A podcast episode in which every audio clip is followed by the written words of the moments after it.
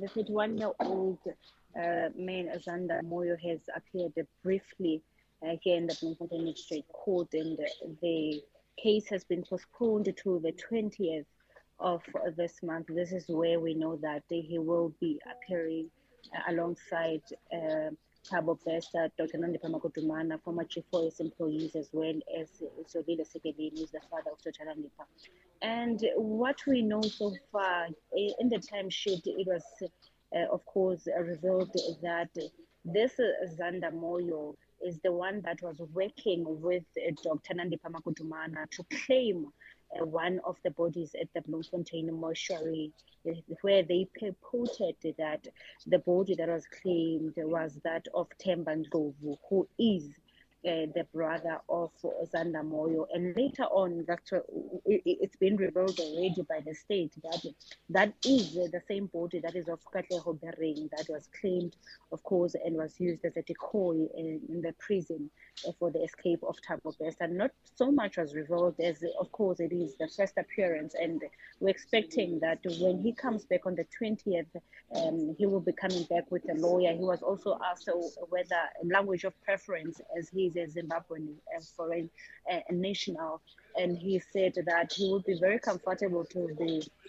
having a translator or an interpreter of Ndebele speaking or Zulu speaking. So we're just we'll be waiting to hear or see whether by then he would have had a legal representative, as he was also told that he can try a legal aid to be represented by a legal aid, aid Sakina.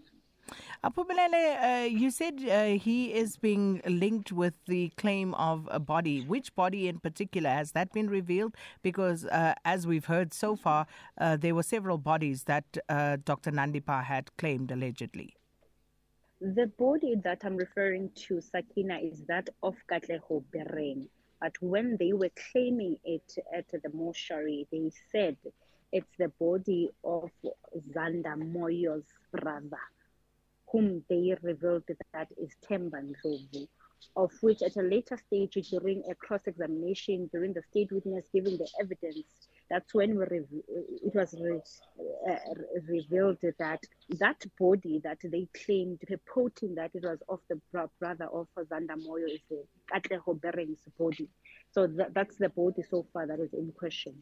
And um, the state continues even to say that they, they are not ruling out the, the, the arrest in this regard because they continue with their investigation. As we know that they've always maintained that they would want more time as they they are busy with their investigation when they were asked by the defense team as to why are they opposing bail. That's when they said that it's because they do not want the accused to tamper with the state witnesses or even the investigation that continues because they are very close as the accused to the investigation that they are they are conducting as the state Aphumelele, we'll leave it there. Thanks so much for the update. Our reporter at the Bloemfontein Magistrates Court, Aphumelele Mdlalane.